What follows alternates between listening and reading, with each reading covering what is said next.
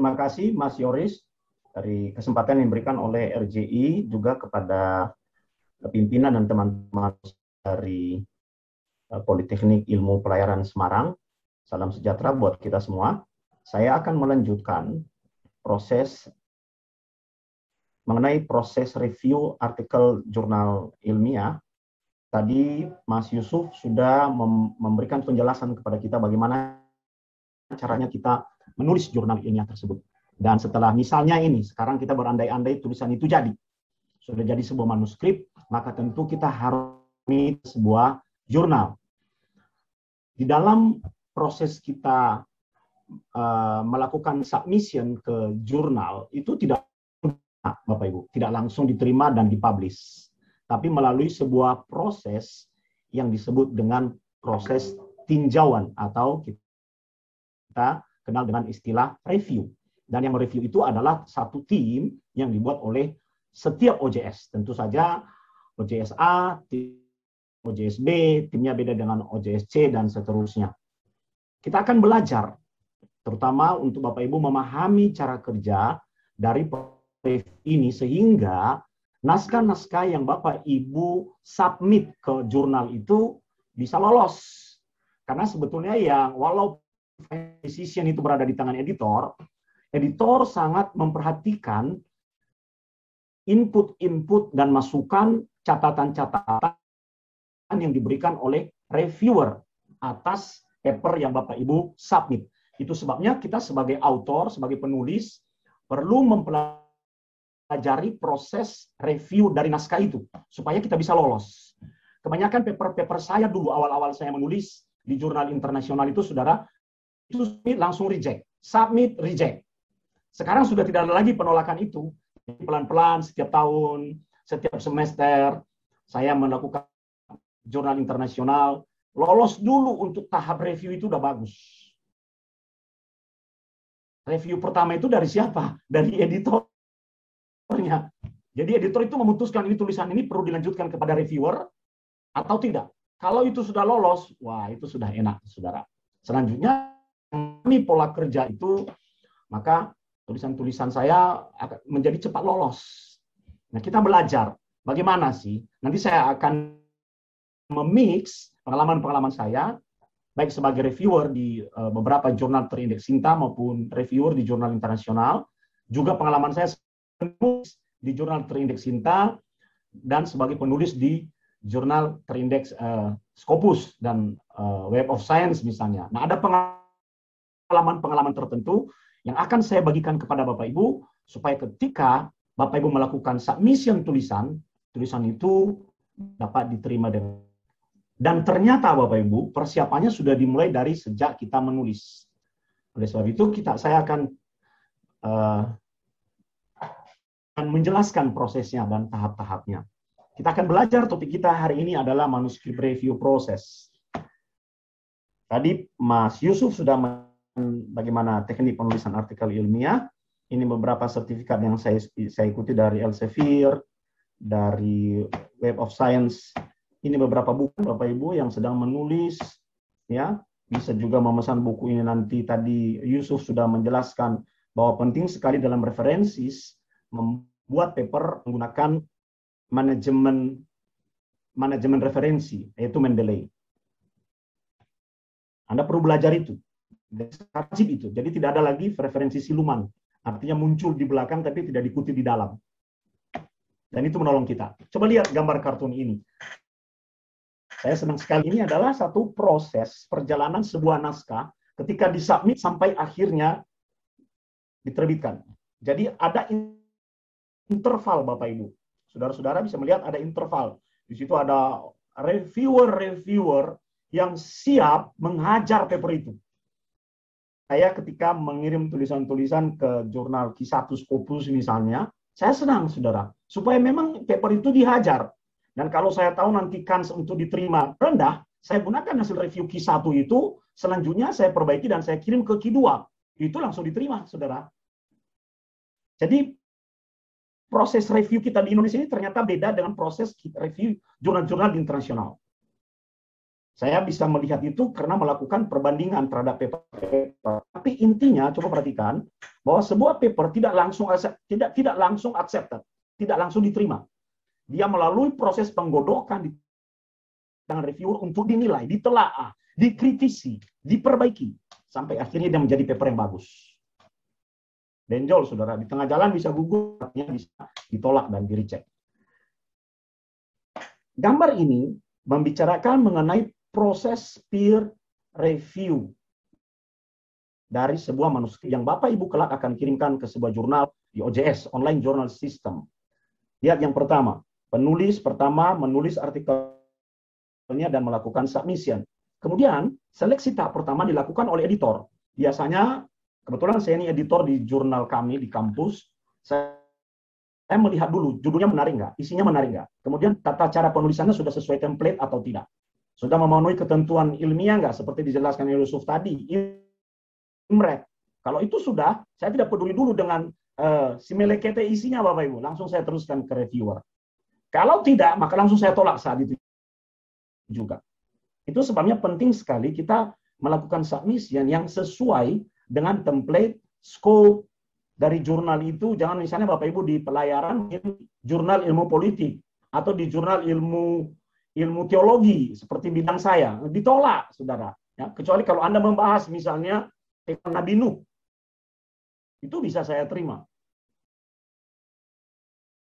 Jadi seleksi pertama itu adalah review dari editor.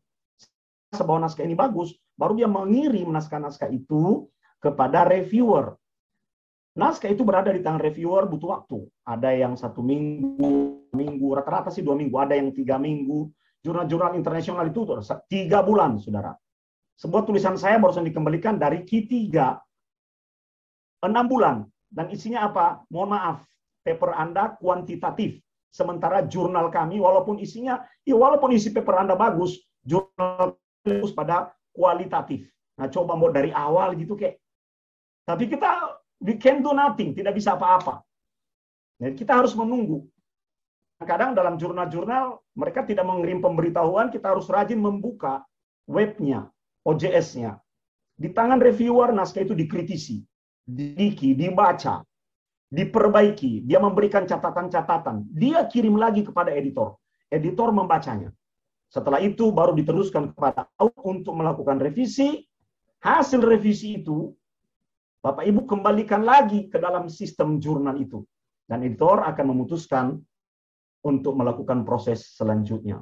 Inilah yang disebut dengan perjalanan panjang seperti gambar kartun ini tadi. Perjalanan panjang. Di sini kita mengerti bahwa betapa pentingnya peran seorang reviewer di dalam menyeleksi naskah yang kita submit di sebuah jurnal.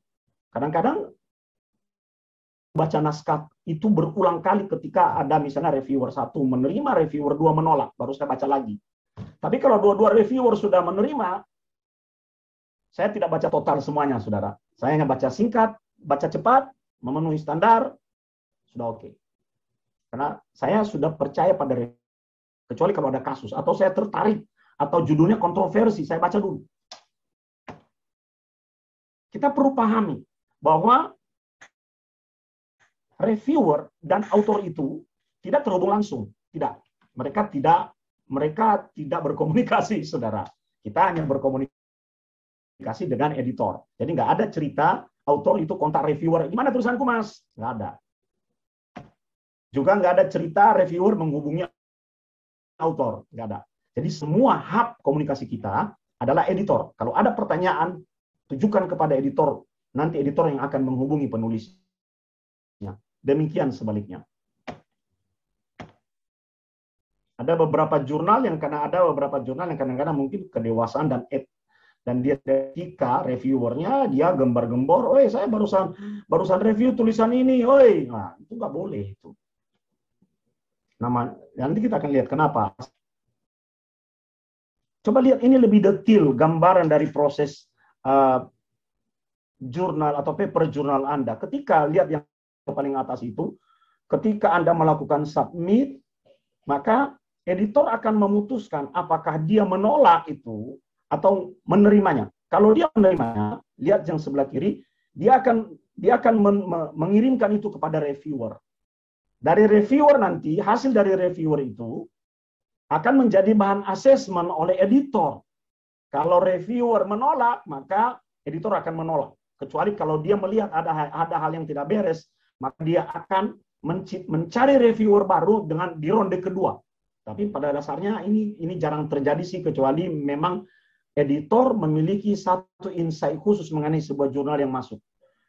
Setelah hasil review itu diterima oleh setelah hasil review itu diteruskan oleh reviewer kepada editor dan dia memberi catatan misalnya tidak ditolak tapi dibutuhkan revisi, maka itu masuk lagi ke dalam sistem dan autor Bapak Ibu penulis akan melakukan revisi terhadap naskah itu lalu diakses lagi oleh editor.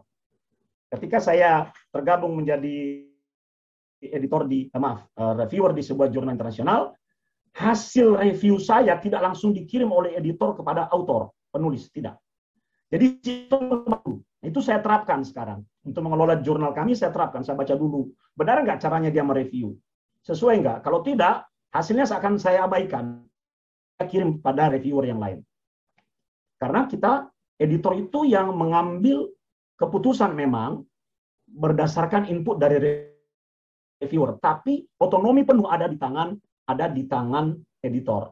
Kalau dia tahu bahwa reviewer ini kurang cakap dalam bekerja, pada naskah naskah bagus, dia melihat komentar-komentarnya kok tidak bagus, lalu dia menolak, reject naskah itu, editor hak untuk membuat ronde kedua dari proses review itu. Ini gambarannya Bapak Ibu. Jadi Bapak Ibu harus pahami proses ini. Ada tiga bentuk review yang umum berlaku di dunia persilatan jurnal. Pertama, open review. Yang kedua, single blind review. Yang ketiga, double blind review. Apa itu? Apa itu yang disebut dengan single blind review? Single blind review adalah proses mereview sebuah naskah di mana reviewer tidak mengetahui siapa autornya, tapi autor tahu siapa reviewernya. Pada umumnya seperti itu, saudara. Makanya di beberapa jurnal internasional, satu isian bagi orang-orang yang mau menulis, bagi, bagi, bagi para penulis, dia bisa meminta editor untuk naskahnya tidak jatuh pada review tertentu. Boleh. Di, di list of review itu ada, oh ini orangnya kalau nge-review kurang bagus, kita bisa melihat dari tracknya. Atau kita bisa tahu dari backgroundnya, bisa, bisa. Misalnya tulisan kita ini tentang A, dan kalau jatuh di tangan B nanti itu akan dikritis ya bisa-bisa. Nah, kita menghindari itu, kita bisa mereku request itu kepada editor. Tolong paper saya jangan direview oleh editor ini, ini, ini, ini. Jadi dalam single blend review itu hanya satu pihak yang mengetahui siapa. Tapi pihak yang satu tidak mengetahui siapa. Biasanya autor tahu dia direview oleh siapa, tapi reviewer tidak tahu ini penulisnya siapa. Itu yang disebut dengan single blind. Hanya satu yang buta, yang satunya buka mata. Ini adalah salah satu yang umum dilakukan. Ada salah satu cara yang sering dilakukan di jurnal-jurnal internasional. Tapi jurnal-jurnal Indonesia jarang sekali melakukan single blind review, jarang setahu saya. Yang dilakukan oleh jurnal-jurnal di Indonesia itu double blind. Jadi dua-duanya dibilang buta. Artinya reviewer tidak tahu siapa dari paper yang sedang ditelaahnya dan autor tidak tahu siapa yang mereview papernya khususnya untuk ilmu untuk ilmu sains dan humanities itu itu menggunakan double blind. Memang ada plus dan minus, saudara, antara single blind dan double blind. Double blind. Tapi ini sebetulnya sepenuhnya menjadi keputusan dari editor atau uh, jurnal. Sistem jurnal itu dijalankan. Kalau di, di tempat kami, saya menjalankan prinsip double blind. Jadi editor hanya editor yang mengetahui siapa mereview siapa. Reviewer dan author saling tidak tahu satu dengan yang lain. Itu lebih apa namanya ya? Lebih uh, proses reviewnya itu lebih orisinil. Jadi tidak ada tidak ada unsur judgement, lebih adil, lebih objektif gitu. Kalau saya kenal siapa yang mereview saya, sementara dia tidak kenal saya, saya sebagai penulis juga bisa kalau bisa mencari cara untuk terhubung dengan dia, bisa-bisa loh, bisa-bisa loh. Di Indonesia ini kan kalau melakukan lobby kan nomor satu, saudara. Ya, tolong ya paper saya itu saya lagi menulis paper tentang ini kirim-kirim sinyal. Itu sebenarnya menyalahi. Kalau bagus dan baik, pasti reviewer akan membacanya dengan baik dan tidak memberikan banyak catatan perbaikan. Makanya tadi saya setuju bahwa hasilkanlah paper yang berkualitas. Nah, ada yang dilakukan di barat. Hari-hari ini lagi rame, lagi tren yaitu open review. Jadi paper Anda diterbitkan dulu, setelah itu di dalam dalam sebuah uh, web begitu, lalu semua orang dipersilakan untuk mengkritisi, mereview paper itu. Dilakukan secara publik. Diberi komentar, boleh berdiskusi tentang naskah itu, ada yang setuju, ada yang tidak setuju, ada argumentasi apa karena setuju, argumentasi apa yang tidak setuju, penulis juga boleh membalas di situ, jadi sangat-sangat transparan. Boleh dikatakan ini proses review yang liberal. Siapa yang mereview akan ketahuan, siapa yang menulisnya juga tahu. Dan itu tayang terus-menerus selama itu ada di web. khusus untuk jurnal-jurnal di Indonesia lebih banyak pada double blind review. Kita menyegarkan ingatan ingatan kita dulu. Nah, kita menyamakan persepsi kita bahwa peer review, peer, yaitu teman sejawat, saudara. Ya.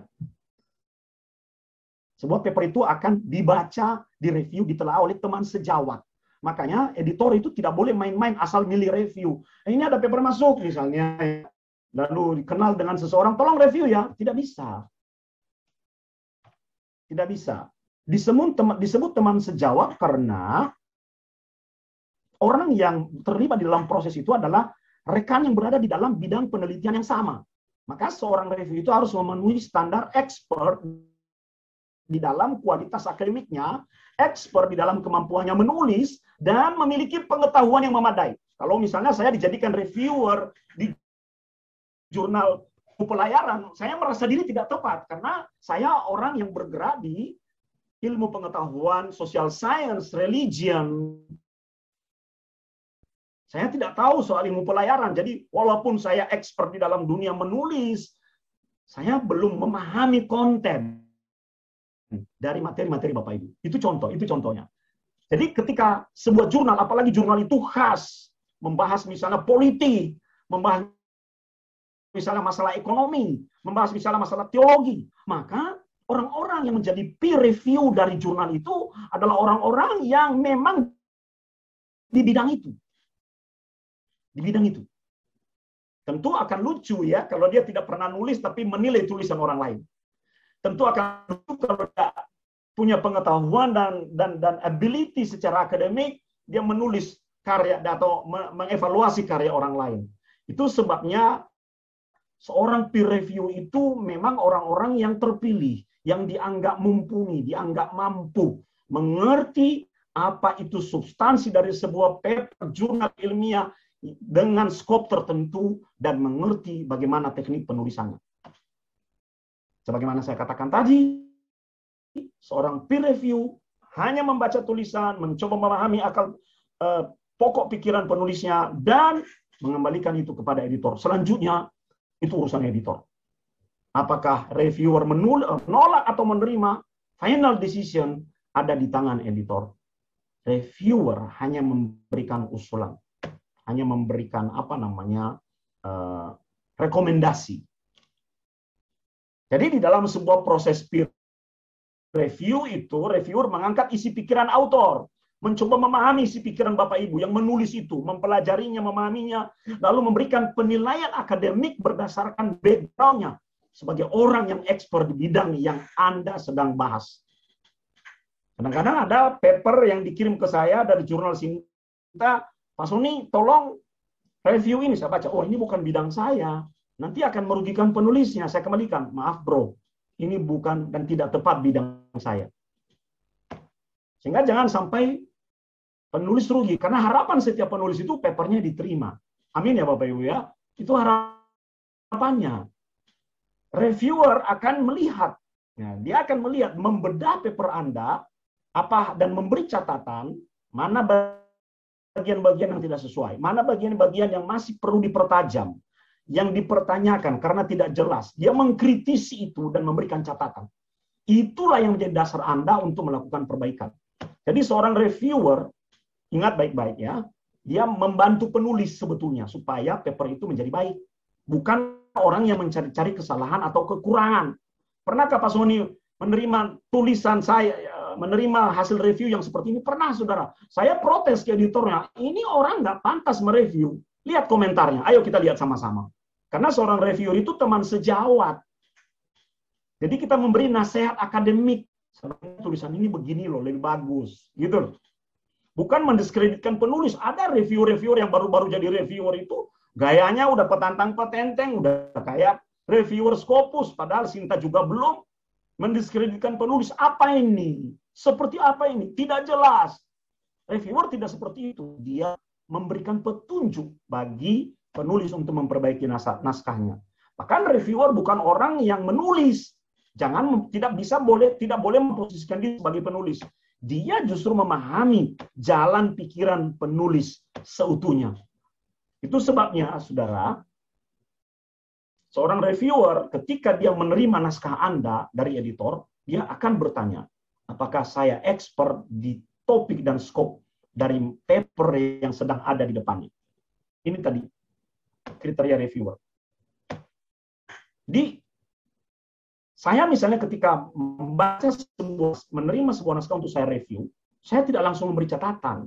Saya baca dulu sampai tuntas.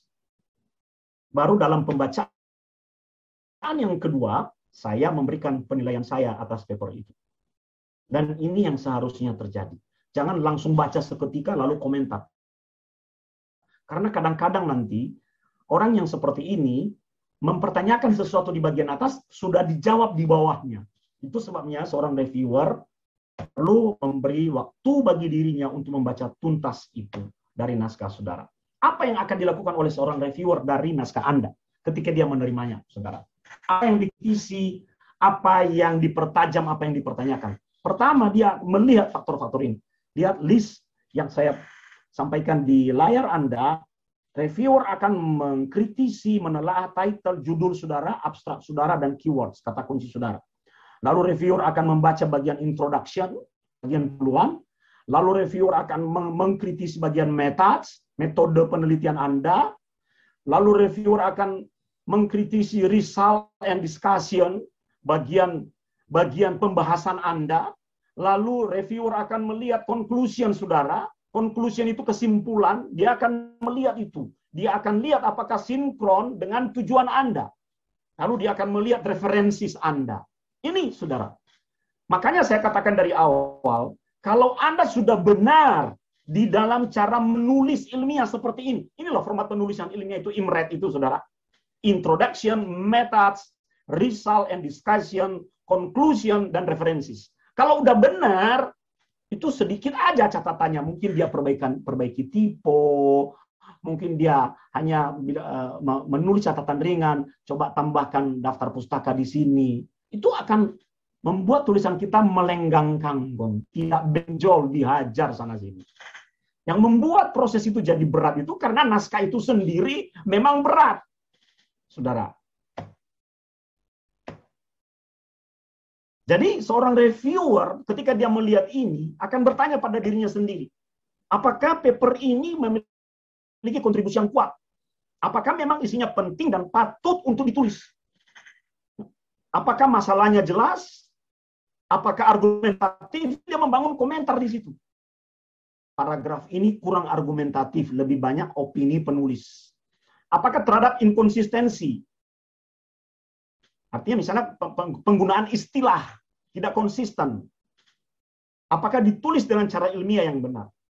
Dia akan melihat itu. Pertama, dia melihat judulnya. Judulnya jelas enggak. Paper jurnal itu beda dengan judul paper jurnal beda dengan judul paper skripsi, tesis, dissertation. Beda. Judul paper jurnal itu harus bernas. Makin singkat, makin baik.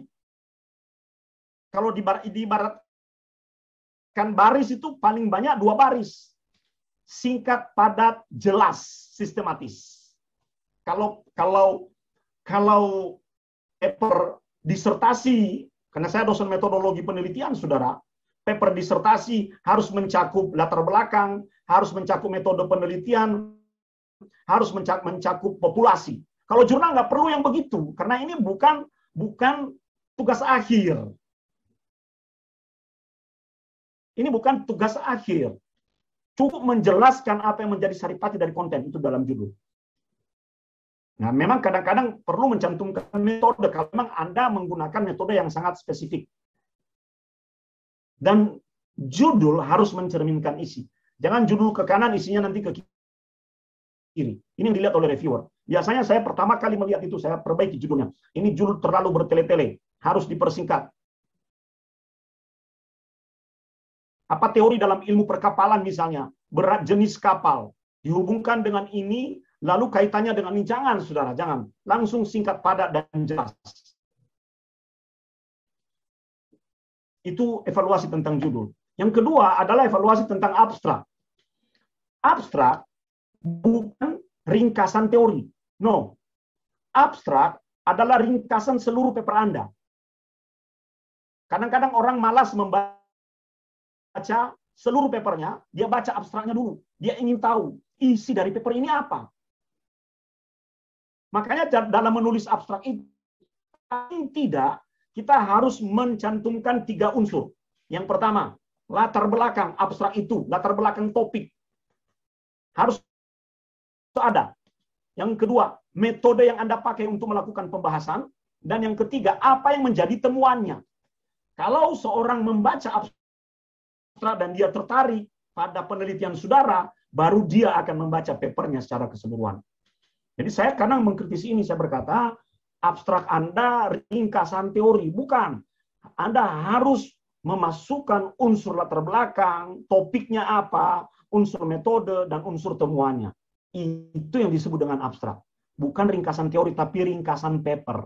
Karena ada jurnal-jurnal yang diterbitkan di luar negeri misalnya, tidak bisa open access Orang bisa mengutip kita cukup dengan abstrak tanpa harus membaca keseluruhannya. Itu, saudara. Berapa jumlahnya? Rata-rata 250 kata, saudara. Kau usah panjang-panjang. Makin singkat, makin baik.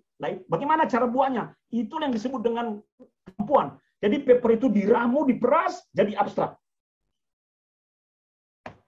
Latar belakang. Di dalam latar belakang saudara.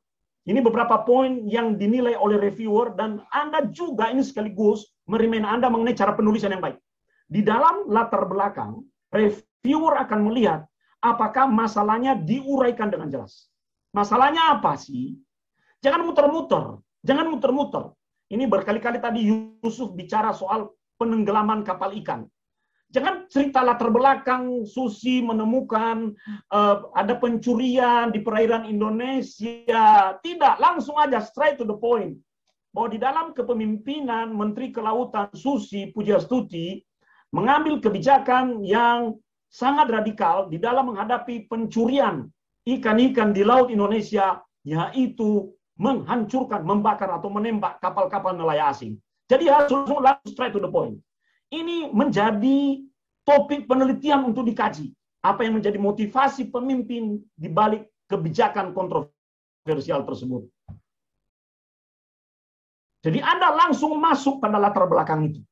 Nggak usah muter-muter. Bicara tentang Semarang, jangan pergi ke Amerika dulu. Langsung di Semarang aja. Nah, kaitkan dengan penelitian sebelumnya. Kasus penembakan kapal-kapal atau penenggelaman kapal-kapal seperti ini pernah diteliti oleh misalnya Ibu Khaira Dewi di dalam papernya yang mengatakan bahwa itu adalah sebuah tindakan tegas pemerintah Indonesia. Itu disebut dengan previous work, penelitian sebelumnya. Pendapat Khaira Dewi itu ditut, di, di, didukung oleh Rufiajit di dalam papernya. Oke, berjudul ini bahwa penenggelaman kapal ini adalah otonomi sepenuhnya negara yang memiliki batas wilayah laut, batas ekonomi, zona ekonomi eksklusif, misalnya begitu. Itu previous work. Jadi Anda perlu mengutip seorang reviewer akan melihat apakah Anda memaparkan masalah yang benar, jelas, dan apakah Anda memang mengutip penelitian-penelitian sebelumnya. Sehingga itu menjadi justifikasi bagi Anda untuk menulis paper itu. Apalagi kalau ada yang namanya gap. Apa yang diteliti oleh Khaira Dewi dan yang diteliti oleh Rufi Ajib hanya berfokus pada A. Paper ini mencoba meneliti topik yang sama dengan mengambil sudut pandang C. Itu yang disebut dengan gap. Jadi dalam latar belakang itu Bapak Ibu, paling tidak ada topik penelitian Anda yang dijelaskan langsung, ada previous work, previous research, ada justifikasi dalam pernyataan masalah, ada gap, dan Anda mencantumkan apa tujuan penelitiannya. Biasanya tujuan penelitian bagian akhir. Berdasarkan latar belakang di atas dan gap penelitian, maka paper ini bertujuan untuk. Ingat ya, semua terkait. Tujuan itu nanti akan dijawab di bagian conclusion. Itu yang reviewer lihat dari latar belakang. Metode. Metode itu apa, saudara? Cara kerja. Reviewer akan melihat apakah cara kerja Anda, Anda menuliskannya cara prosedur yang jelas, ada sistematika yang jelas. Paper ini nanti akan ditulis dengan tiga sub pokok bahasan A, B, C. Uraikan cara kerjanya. Untuk peneliti, untuk melakukan penelitian pada topik ini, maka peneliti akan melakukan langkah-langkah sebagai berikut. Sehingga penyajiannya bersifat deskriptif, kuantitatif, kualitatif, apa pun lah. Kalau Anda melakukan penelitian eksperimental, variabelnya apa? Sebutkan di situ. Seperti cara membuat kue, saudara. Resepnya itu adalah bagian metode. One, two, three, prosedur. Di situ reviewer akan melihat apakah prosedurmu sudah jelas atau tidak. Dan jangan pernah copy paste metode orang lain. Karena kan kita mau cari gampangnya. Karena setiap metode itu khas untuk setiap paper. Jangan lupa itu. Saya sering sekali menemukan kasus wah ini pipas dari paper ini. Saya pernah mereview paper yang sama ini. Itu bagian metode. Apa yang dilihat reviewer pada hasil dan pembahasan? Pertama, di Anda datanya benar nggak? Konsisten nggak? Penyajiannya tepat nggak? Tabelnya, gambarnya, analisisnya jelas nggak? Terbaca nggak? Itu kalau berdata. Tapi kalau merupakan pembahasan, saudara, dia lihat konsisten nggak mengikuti sistematika yang diberitahukan di dalam metode tadi. Jangan metode beda, pembahasan beda. Apakah melibatkan teori pendukung? Kemampuan Anda untuk melakukan koherensi namanya. Jadi ketika Anda ngomong A, nggak boleh ngomongmu sendiri. A itu nggak boleh. Anda harus mencari justifikasi. Pembenaran teoritis dari pakar. Makanya baca buku. Baca buku, baca buku, berikan catatan. Saat Anda menulis, Anda mengutipnya. Di dalam paper itu. Itu yang dilihat oleh seorang reviewer. Dan pembahasan itu harus pembahasan yang terarah mengalir seperti air. Data dibahas dengan benar, temuan diurai satu-satu. Kemampuan kita untuk membuat paper seperti ini disebut dengan state of art. Seni untuk menyatakan, mengungkap gagasan. Itu yang dilihat oleh reviewer. Karena kadang-kadang pembahasan dari orang-orang itu bertele-tele. Udah disebutkan pada satu, diulang lagi di paragraf tiga. Ingat baik-baik saudara, karena bagian bagian review ini kan tidak jauh-jauh dari bagian struktur penulisan. Ketika Anda membuat sebuah argumentasi, maka satu paragraf, satu meaning. Ingat itu. Satu paragraf, satu arti. Nanti turun ke bawah, turun ke bawah, turun ke bawah. Sampai Anda menjawab dan membangun konstruk dari tujuan penelitian Anda. Itu yang dilihat oleh reviewer di bagian hasil dan pembahasan. Jangan pernah menyatakan hasil tanpa Anda bahas. Nanti reviewer akan menulis catatan. Apa artinya tabel ini? Harus dibahas. Pembahasan juga jangan sekedar mengutip. A bilang begini, B bilang begini, C bilang begini, selesai. Tidak. Anda harus menggabung pernyataan A, pernyataan B, pernyataan C di dalam kalimatmu sendiri untuk mendukung ide dan pikiran. Apa yang dilihat oleh reviewer dari kesimpulan? Ya lihat, apakah kesimpulan ini menjawab bagian terakhir dari introduction. Di bagian terakhir di bagian terakhir introduction itu kan ada tujuan. Apakah menjawab? Apakah mengarah pada temuan, findings? Ya. Apakah mengulang pembahasan bab? Tidak mengulang pembahasan bab. Konklusinya apa? Jadi masalah, polanya begini saudara. Masalah, cara kerjanya, pembahasan hasilnya. Dan apakah ada implikasi? ada sumbangannya. Jangan memberi jangan memberikan findings yang normatif. Finding findings yang normatif itu contohnya begini. Kalau kapal ditaruh di laut, dia pasti terapung. Nah, itu semua orang sudah tahu, jangan dibahas lagi. Itu namanya normatif. Itu yang dilihat oleh reviewer pada bagian kesimpulan. Referensi, saudara. Apakah menggunakan manajemen referensi? Saya barusan menulis buku tentang Mendeley. Sekarang setiap jurnal wajib ditulis menggunakan Mendeley. Tidak ada lagi tidak ada lagi referensi yang hilang atau tidak ada lagi juga referensi yang siluman. Di dalam body text yang dikutip hanya lima referensi, di daftar pustaka ada 12. Nah, kita kan nggak ngutip. Kalau nggak ngutip, ya sudah boleh masuk dalam list of reference. Itulah sebabnya kita menggunakan alat bantu yang disebut dengan referensi. Karena kadang saya melihat naskah ini sudah nggak sudah nggak zaman lagi loh, saudara, menggunakan kata edit, opsi, udah nggak zaman lagi. Itulah sebabnya kita menggunakan Mendeley, misalnya. Di situ akan terdata semua, dan itu memudahkan kita sebetulnya. Kita nggak nggak nggak lagi menulis secara manual, Mendeley menyelesaikannya bagi kita. Begitu tulisan selesai, di bagian akhir tinggal insert bibliografi, Mendeley sudah mengurutkan dari A sampai Z. Itu yang dilihat. Kadang-kadang saya nulis, Anda tidak mengerjakan paper ini menggunakan manajemen referensi. Harap melakukan konversi, supaya saya bisa cek. Di situ, setelah membaca seluruh paper itu, maka reviewer akan memberikan keputusan. Uh, suggestion kepada editor. Apakah paper itu dinyatakan accepted, diterima, atau dinyatakan revision needed. Revision needed itu membutuhkan revisi. Revisi itu ada dua, bisa minor sedikit, bisa major. Major. Paper, akhir bulan ini akan terbit paper saya Q1, saudara. Tapi editor Dokternya menyurati saya, saya udah GR dulu. Mr. Sony papermu diterima, ini adalah revisinya minor revision. Diberi waktu tiga hari. Begitu saya buka, astaga, 86 item. Minor. Yang major kayak apa? Apakah paper itu rejected, ditolak? Apakah resubmit for review, artinya perbaiki dulu lalu direview ulang lagi oleh reviewer yang sama? Atau dinyatakan publish elsewhere. Kalau itu publish elsewhere itu ya udah itu penolakan halus, Saudara. penolakan halus. Maturun gimas, ya bisa diterbitkan di tempat lain Gi, tidak tepat di sini. Itu artinya papermu nggak mutu. Nggak cocok dengan skop itu. Bisa jadi diterbitkan di jurnal lain. Ya. Saya pernah mengirim sebuah paper di jurnal Silta 2 di Indonesia. Ditolak Lalu paper itu karena dia bahasa Inggris, saudara, langsung saya kirim di jurnal Q3, diterima. Gantian saya kirim paper itu ke editornya. Iki lo paper simbol tolak.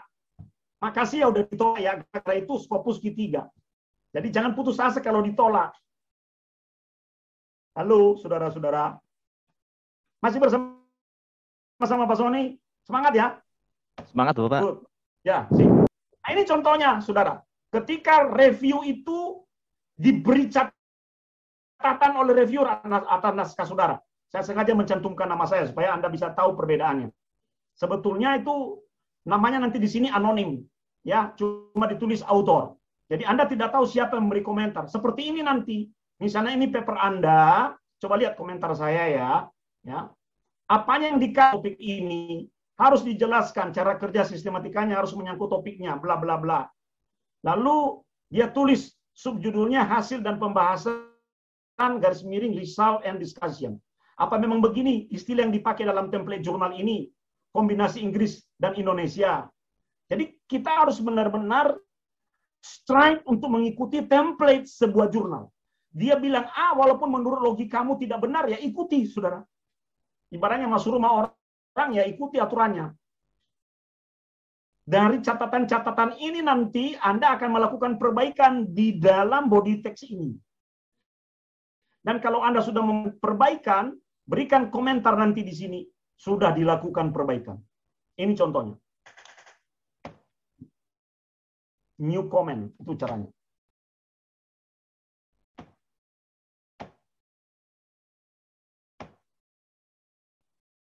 paper saya di jurnal Q1 yang akan terbit akhir bulan ini.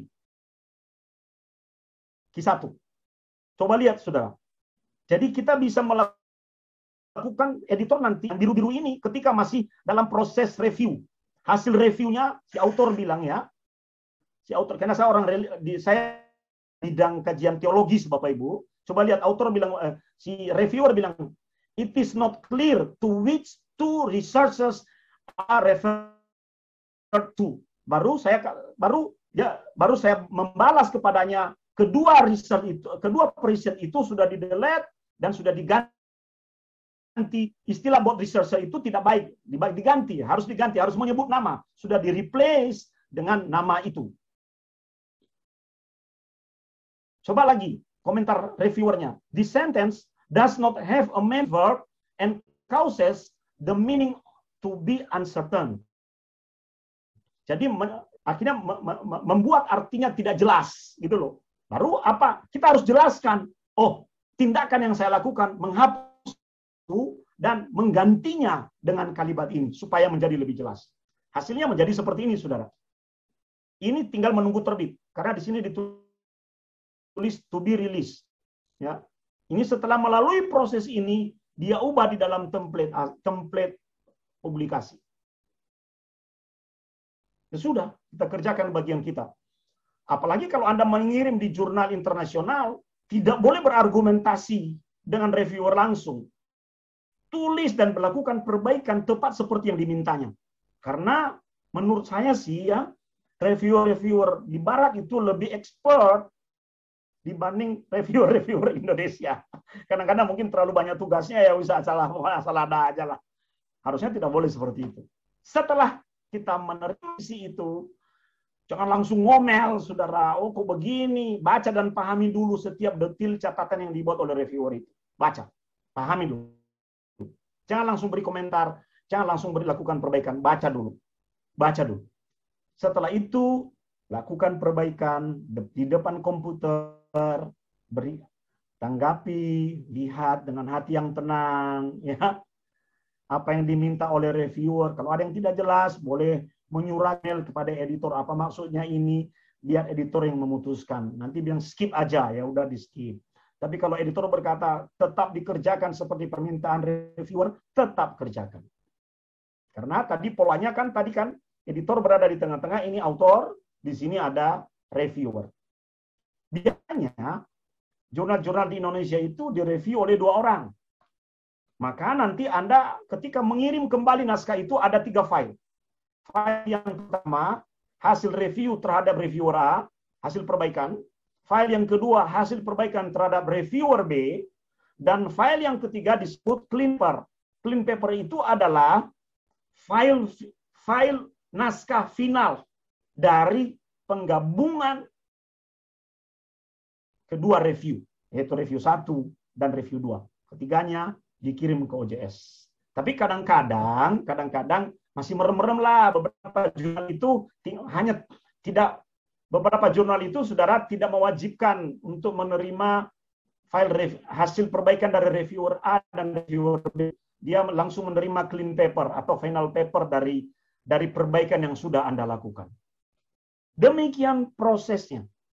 Dari sana jadi dari sana nanti proses editing akan berlanjut di dalam sistem OJS. Editing yang dimaksudkan di sini adalah editing dan cara Anda melakukan revisi dan perbaikan terhadap paper saudara.